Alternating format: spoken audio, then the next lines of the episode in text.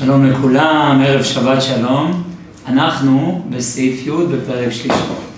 אומרת הגמרא, והמתים אינם יודעים מאומה, בשונה מאותם החיים שיודעים שימותו, שזה הצדיקים שבמיתתם קוראים חיים, המתים אינם יודעים מאומה אלא רשעים, שבחייהם קוראים מתים, שנאמר ואתה חלל רשע נשיא ישראל. כלומר, אנחנו רואים על צדקיהו, שלמרות שהוא עדיין היה חי, הוא נקרא חלל. למה? בגלל הרשות שלו. אומר לנו הרב קוק בעינייה, עיקר החיים, אפילו בחיי הזמן, הוא רק עוצם הרגשת הכוחות הנפשיים בעוד החיים. כלומר, מה זה נקרא חיים, שואל הרב קוק? בעצם הייתי יכול להגיד, חיים זה זה שהגוף שלי זז. חיים זה זה שמתרחשים איתי דברים.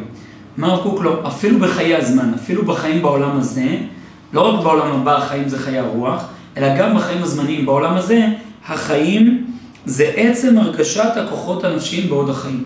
כלומר, זה שאני חי את ההוד של החיים, את הצדדים הרוחניים של החיים, הצדדים העליונים של החיים, הצדדים שיוצקים משמעות אל כל החיים כולם, מהדהדים, זה כאן עוד, מהדהדים אל החיים, אל כל היבטי החיים, תוכן את הנקודה הפנימית. ממילא ככל שאני מרגיש את אותה הנקודה הפנימית המהדהדת, כך אני יותר חי. והנה, הרשעים שהשפילו כוחותיהם הנפשיים אל התשוקות החומריות, אין כוחותיהם רוחניים יוצאים מן הכוח אל הפועל. ככל שאדם יותר רשע, יותר כבול אל החומר, חוויית החיים שלו יותר מה אכלתי, מה שתיתי, מה חוויתי, מה עשיתי, מה הרווחתי, זה מרחב החיים שלו, כך הוא פחות חי. למה?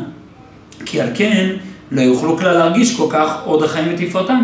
כי הצדיקים שבלבבם מושלת נפשם העליונה, וכוחותיה הרוחניים מתפשטים בהרחבה גדולה. הצדיק חי את החיים. מה זה החיים? החיים זה אותו ההוד הנפשי הזה. הוא חווה את הנפש שלו, הוא חווה את נקודת החיות שלו. ממילא הצדיק הוא חי חיים. לעומת זאת, ככל שאני יותר לחוד אל המרחבים החומריים, אני פחות חי, אני פחות נמצא בתוכן החיים, במהות החיים. זה בעצם התוכן של אדם מת.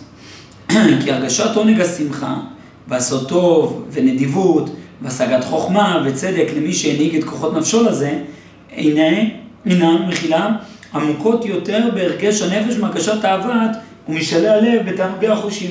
אני הרבה יותר חי כשאני עושה דברים רוחניים, כשאני עושה איזה נדיבות, כשאני קונה איזה השגה שכלית, הרבה יותר מאשר כשאני אוכל מאכל טוב. כשאני אוכל מאכל טוב לא חוויתי את נקודת החיות שלי, חוויתי את קיום הגוף שלי, לא חוויתי את נקודת החיות. הרי מה נותן חיות לגוף? הנפש. לא הרגשתי את הנפש, הרגשתי רק את הקיום הגופני, את קומת הזן בנפש, כמו שהרמב"ם מסביר בפרק א' של שמונה פרקים. על כן, אין ארוך כלל אפילו לחיי ההווה, לעניין כוח החיים וחזקם בפנימיות הנפש, הרגשת הנפש בין צדיקים לרשעים. כלומר, כבר עכשיו הרשעים והצדיקים חיים אחרת. מידת חוויית החיים שלהם, חוש, חישת החיים שלהם, אין ארוך אליה. הצדיק הרבה יותר מרגיש את חייו. לעומת הרשע שהיו חייך תלויים לך מנגד. הוא חווה את החיים כחיצוני אליהם.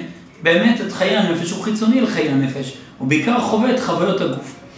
ולגבי גודל התפשטות כוח החיים של הצדק והטוב שבצדיקים, נקראו הרשעים בחייהם מתים. כלומר, הרשעים הם חיים, הגוף שלהם זז.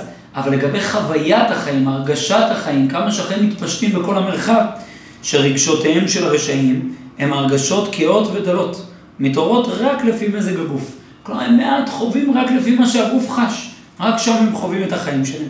שהוא הגוף, עם כל חוזקו, חלש ורפה נגד עוז הנפש החיה וקיימת לעד, ומתגברת באורה, אור אלוהים חיים. כמה שיש חיות בגוף, זה כלום ושום דבר לעומת החיות של הנפש, לעומת טהרת החיים שנמצאת בנפש, ולכן לגבי מדרגת צדיקים, הרשעים נקראים מתים כי הם חיים, אבל חיים קטנות, חיים בקטנה, חיים רק את המרחבים הגופניים הגסים שלהם. שבוע טוב, ערב שבת שלום ומבורך.